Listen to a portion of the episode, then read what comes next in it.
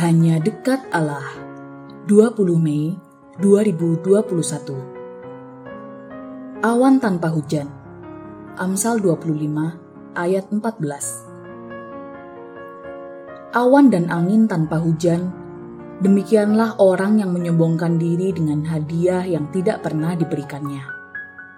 Ya, apa artinya awan tanpa hujan? Tak ubahnya pepesan kosong. Hadiah yang tak pernah terwujud.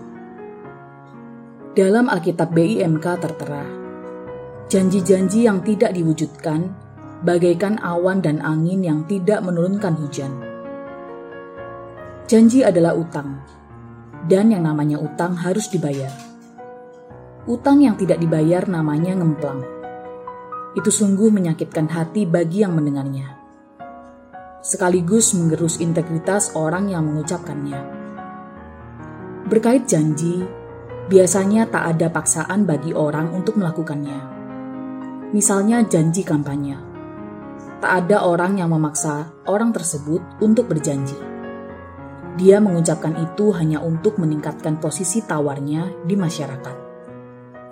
Namun ketika janji tinggal janji, maka runtuhlah bangunan diri orang tersebut patut diduga dalam kampanye berikutnya dia akan terjungkal. Apa selalu demikian? Menariknya tidak juga. Kadang masyarakat malah sudah lupa bahwa sang kontestan pemilu pernah berjanji. Atau kalaupun ada yang ingat, maka dibuatlah narasi bahwa janji tersebut sudah diusahakan hanya belum terwujud. Dan karena itu, meminta dukungan untuk periode berikutnya dan uniknya kadang orang banyak malah meluluskan permintaannya. Amsal ini mengingatkan, jangan mudah obral janji.